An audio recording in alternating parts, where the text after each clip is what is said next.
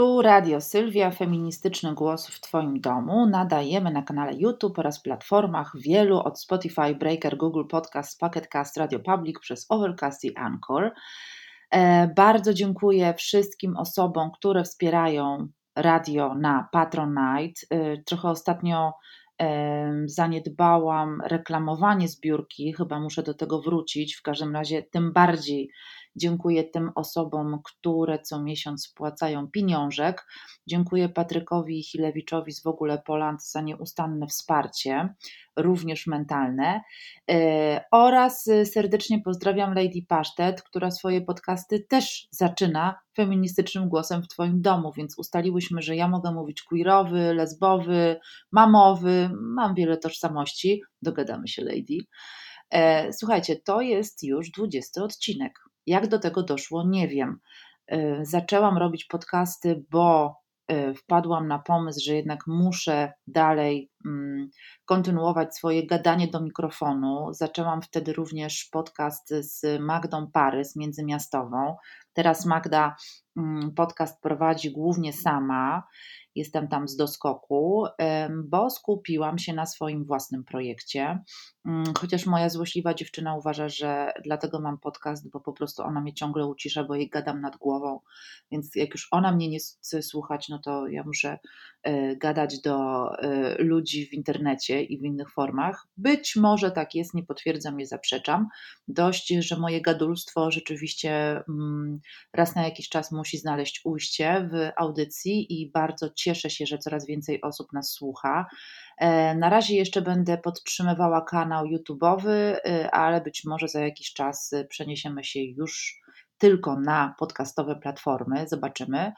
Na razie jednak bardzo dziękuję, zwłaszcza tym osobom, które dają mi komunikat zwrotny, pisząc albo mówiąc bezpośrednio, że słuchają i że im się podoba.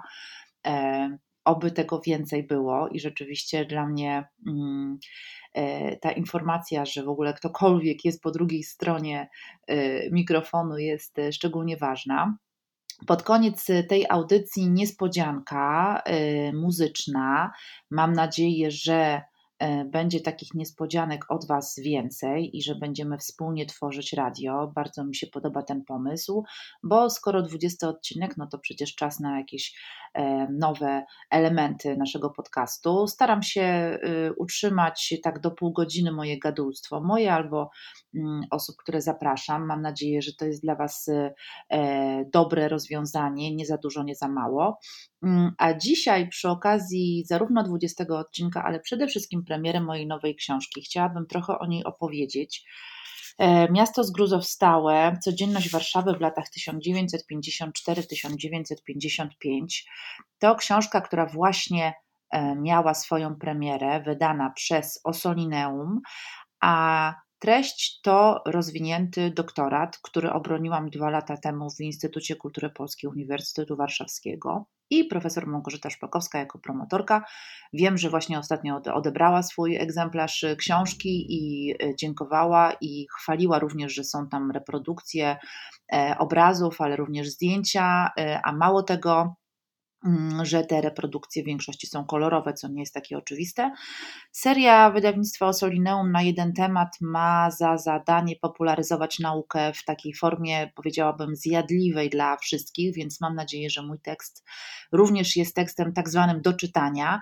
I choć wiele tam metodologii i mnóstwo przypisów, ale mam nadzieję, że to Was nie zrazi, bo historia jest dość, myślę, ciekawa, również dla osób, które nie siedzą w nauce na przykład albo nie w tej dziedzinie e, i jak to humanistyka interdyscyplinarna miesza różne źródła, miesza różne kody i dyskursy, a ja badam ten właśnie z połowy lat 50. dotyczący Warszawy, przede wszystkim jej odbudowy, stąd tytuł Miasto Zgruzowstałe.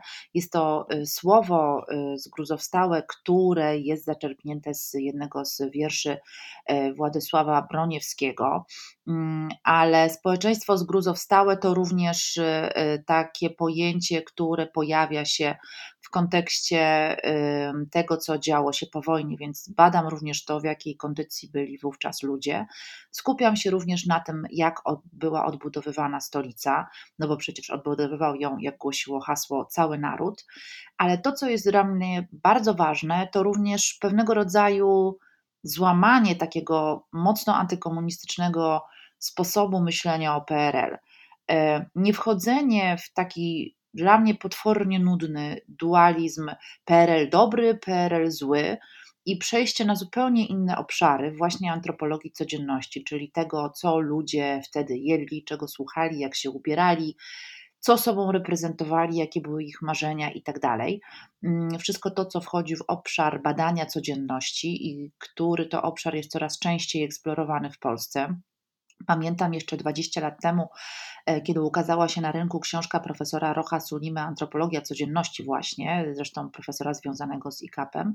E, jaki to był szał, bo wreszcie dostaliśmy coś w rodzaju narzędzi badawczych e, do tego, aby codzienność badać. Oczywiście wcześniej Michel Desertot, a później wiele, wiele innych opracowań zbiorczych, między innymi ostatnio wydana książka o życiu codziennym w PRL z takiej perspektywy bardziej powiedziałabym socjologicznej, mm, ale czasami mam wrażenie, że te dwie nauki y, są ze sobą bardzo mocno powiązane i, wiele je łączy, między innymi postaci, na które się powołują y, w tekstach. E, a moja książka podzielona jest na cztery rozdziały. Pierwszy dotyczy architektury i założeń socrealistycznych e, w Warszawie, czyli MDM, Pałac Kultury, ale również stadion, wtedy jeszcze dziesięciolecie obecnie narodowy i w ogóle myślenie o przestrzeni miejskiej.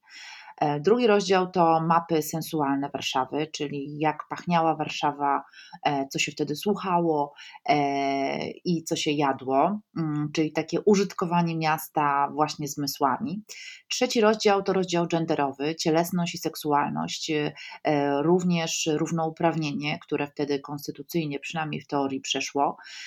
To również opis piątego Światowego Festiwalu Młodzieży i Studentów, który odbył się w 1955 roku na przełomie lipca i sierpnia sierpnia i myślę, że był takim trochę, no, y, taką kropeczką zmian, y, która zwiastowała odwilż w 56 roku. A czwarty rozdział to y, typy charakterystyczne Warszawy, czyli obyczajowość, kociaki, chuligani, ale również zawody coraz bardziej i częściej ginące w tamtym czasie. E, to również moda i to, jak ludzie się nosili co ja chciałam tą książką osiągnąć? Chciałam przede wszystkim przedstawić e, czasy połowy lat 50., po drugie pokazać, że antropologia codzienności to bardzo ciekawa nauka, e, która przybliża nam e, zwyczajność ludzi, która bardzo często jest przezroczysta.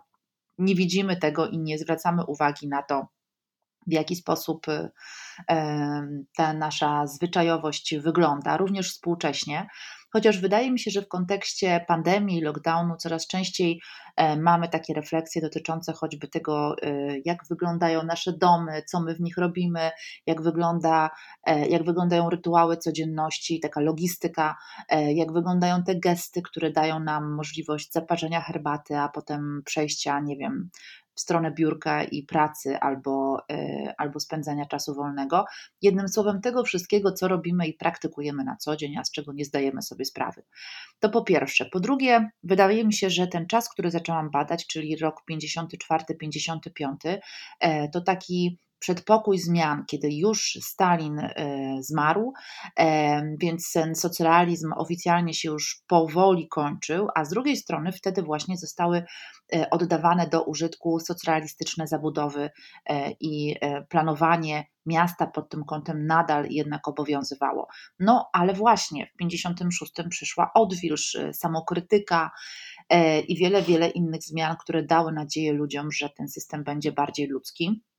Tak się za bardzo nie stało, ale mam wrażenie, że żaden system polityczny e, idealnie nie działa. Mm, to, co również było dla mnie ważne, to taka próba pokazania tego, co ludzie robili wtedy i próba, no właśnie, trochę zrehabilitowania, a może odtworzenia, a na pewno zobaczenia w nowym świetle tych wszystkich zachowań, które wsadzamy w worek PRL-u. E, dostaję po prostu białej gorączki, kiedy słyszę PRL, bo co to jest? Przecież jest różnica między pierwszą dekadą po wojnie, a na przykład latami 80. E, w tym sensie badam początki PRL-u, no ale już takie trochę ustabilizowane 10 lat po wojnie. Mm, czas, kiedy, było wtedy, kiedy był wtedy największy przyrost naturalny, co dawało e, asumpt do myślenia o tym, że ludzie czuli się coraz pewniej i mieli możliwość zakładania rodzin bardziej świadomie. Więc e, no, jest różnica między tymi latami a na przykład kolejnymi dekadami. Stąd apeluję o to, aby PRL e, patrzeć na niego różnorodnie i patrzeć właśnie z perspektywy ludzi. Naprawdę cały naród odbudował nam stolicę i E, ja czuję ogromną wdzięczność patrząc na zdjęcia ludzi, którzy podają sobie cegłę. E, I jakkolwiek niektóre osoby uważają, ach, cóż to był za spontaniczny czyn, skoro trzeba było wywozić się i niemal przymusowo e, brać udział w odbudowie. No i super, dzięki temu tak szybko miasto powstało z gruzów. To ta zgruzostałość jest dla mnie tak naprawdę cudem, takim mitem założycielskim, wcale nie rozwalanie miasta w powstaniu warszawskim i e, latanie po prostu z papierowym e, e, e pistoletem e, przeciwko wrogom, tylko odbudowa jest dla mnie czymś, co daje mi e, no, poczucie dumy z tego miejsca, w którym przyszło mi się urodzić. I jakkolwiek brzmi to patriotycznie, lokalno-patriotycznie, a raczej matriotycznie chyba bym wolała powiedzieć, to dla mnie zawsze taka tożsamość budowana na miejscu, w, który, w którym się jest, którym się, z którego się pochodzi, była zawsze czymś ważnym i ciekawym. I nie mam wpływu na to, gdzie się rodzę, ale mam wpływ na to, w jaki sposób pamiętam i w jaki sposób zajmuję się historią czy herstorią danego miejsca. Stąd e, taka wielość różnych postaci e, w mojej książce i stąd też próba pokazania tego miasta y, tamtych czasów w bardzo różny sposób. Mm, tak naprawdę to, co jest również dla mnie ważne, mm, to y, potrzeba poznania tych ludzi, którzy wtedy mm, żyli, którzy wtedy e, mieli wpływ na, e, na życie e, i na budowę miasta, to również y, tęsknota za za takim miejscem, które choćby teoretycznie, ale jednak było równościowe. I e, patrzenie na systemy polityczne zupełnie świeżym okiem jest dla mnie czymś e, bardzo też odkrywczym intelektualnie. I kiedy czasami porównuje się PRL do na przykład czasów współczesnych, jedni wzdychają, ach, kiedyś to było lepiej, a drudzy wzdychają, o matko, czasy słusznie minione to ja sobie siedzę cicho i patrzę, y, co tam się działo w rzeczywistości. Ja badam dyskurs, czyli badam to, co wtedy się mówiło. Mówiło się różnie i niewiele, mm, przynajmniej tak szczerze, ze względów właśnie na cenzurę między innymi, ale też ogólnie panujący strach. Natomiast badam te szczeliny, które pokazywały ludzkie emocje i pragnienia, na przykład listy do redakcji, listy do, do redakcji zarówno tygodników, e, gazet codziennych, jak i Polskiego Radia. E, patrzę na pamiętniki. Oczywiście patronem tej książki nieoficjalnym jest Leopold Tyrmand i jego dzienniki z 54 roku, ale również powieść Zły, która e, razem z dziennikiem pokazywała realia e, tamtych czasów, bo e, książkę Zły Leopold Tyrmand pisał w połowie 54 roku i na początku 55 wyszła pod koniec tego roku, ale no, pokazuje to, co działo się wtedy, a przede wszystkim jak wyglądało wtedy miasto. Więc e, ważne dla mnie jest to, żeby też czerpać właśnie z e, e, dzieł kultury, od literatury przez, przez dzienniki, o których wcześniej wspomniałam, ale również filmy i muzykę. Polecam Wam oglądanie starych filmów, one są dostępne w sieci. E, choćby przygodę na Mariensztacie, ale również piątkę z ulicy Barskiej, Skarb, wiele innych, na przykład Irena do domu, bardzo zabawny, pokazujących jak wiele i niewiele się zmieniło w podejściu na przykład do emancypacji kobiet, y, na przykład do w ogóle kwestii na przykład klasowości, e, tak rzadko poruszanej. I to, co dla mnie jest ciekawe, to teraz szczególnie patrząc na tę książkę, już taką, wiecie, wydaną i e, e, taką, z której oczywiście nic nie mogę poprawić i dopisać, co jest zawsze bardzo przykre, e, że mm, ta refleksja o czasach przeszłych jest też potrzebna nam po to, aby nie tylko nurzać się w historii. Ja nie jestem historyczką, mnie po prostu zawsze bardzo interesuje, co nam kiedyś robi teraz, to znaczy, co ja z tamtych czasów mogę wynieść współcześnie. Tak samo y, i taka sama myśl przyświecała mi przy okazji pracy nad Warszawą Kobiet, przewodnikiem, który y, wydałam 9 lat temu w wydawnictwie Polityka e, i który pokazywał kobiety E, które są e, związane lub były związane z Warszawą. E, to było ponad 800 sylwetek różnych postaci. I to mnie najbardziej interesowało, co one dają mi teraz, na ile są inspiracją, na ile ich losy mogą być fascynujące teraz. Podobnie właśnie z miastem zgruzowstałym. Na ile tamte czasy są dla nas nie tylko ciekawe, bo były kiedyś, wiecie, taka opcja vintage, no ale co my możemy z tego też wnieść, jak to się wszystko pozmieniało. E, jak ludzie radzili sobie z systemem politycznym, używając, mówiąc językiem Michel de Certeau, strategii i praktyk.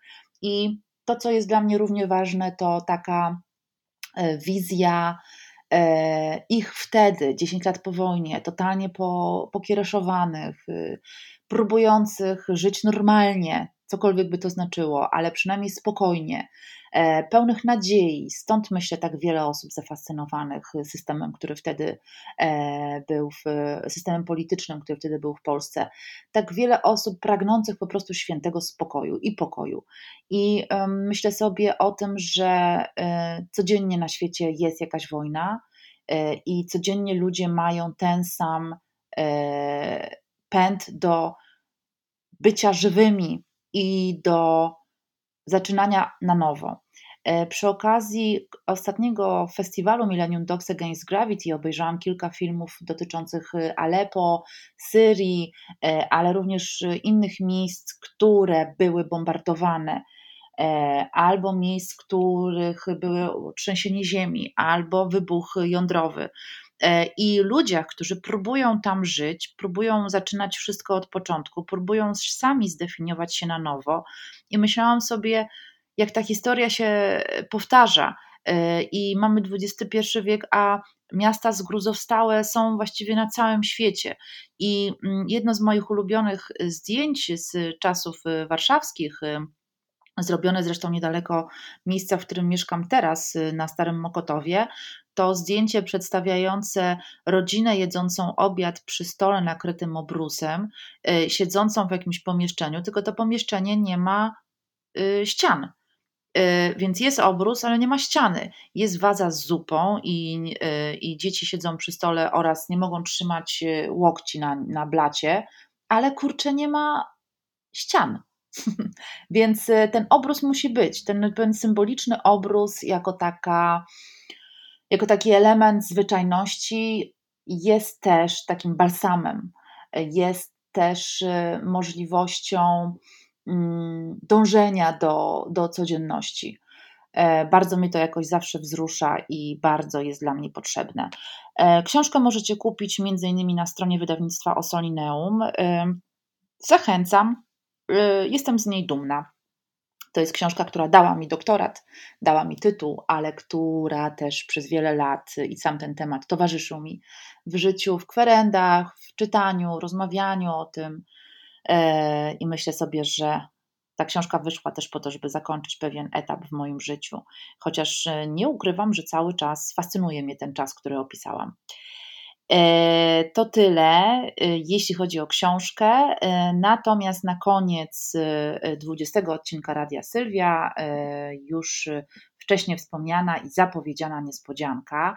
Odezwała się do mnie Magda Pasierska, która słucha Radia Sylwia i wysłała mi E, swoją najnowszą piosenkę z, e, jako e, mapa, czyli solowy koncept muzyczny. Muzyka może się kojarzyć z syntetyczną elektroniką rodem z berlińskich scen muzycznych, ale ja bym na to akurat nie zwracała uwagi, bo to, co dla mnie jest najważniejsze, to takie osobiste teksty, bardzo ciekawy, frapujący głos Magdy Na albumie, jak Magda pisze, śpiew przeplata się z melorecytacją, rapem i wokalną improwizacją. Dla Was kawałek, który zakończy E, ten e, odcinek e, Radia Sylwia, przejdź do pozycji dziecka. Ja Wam bardzo dziękuję. Dziękuję osobom wspierającym na Patronite, a Was zachęcam, jeśli macie muzykę, którą tworzycie, bardzo chętnie zaprezentuję ją w Radiu Sylwia. Słyszymy się już niebawem. Feministyczny głos w Waszych domach, dziś w wersji z gruzowstałej. Serdeczne, serdeczne. Mua!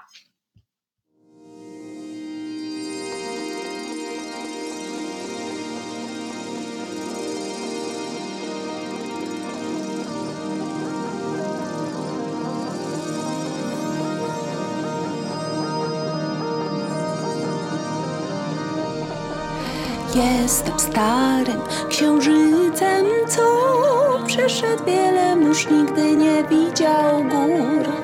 Krok po kroku porzuciłam pustki, porzuciłam wiatr, który nic nigdy nie przewiewa. Nie wiem po co idę, idę po to, idę, idę po to, żeby żyć, idzie się po to, żeby iść. Nie wiem po co idę, idę po co się po to, żeby żyć. Księżyc tkwiący w dwunastym domu jest drodze do siebie, umie kochać pokryjomu. Księżyc tkwiący w dwunastym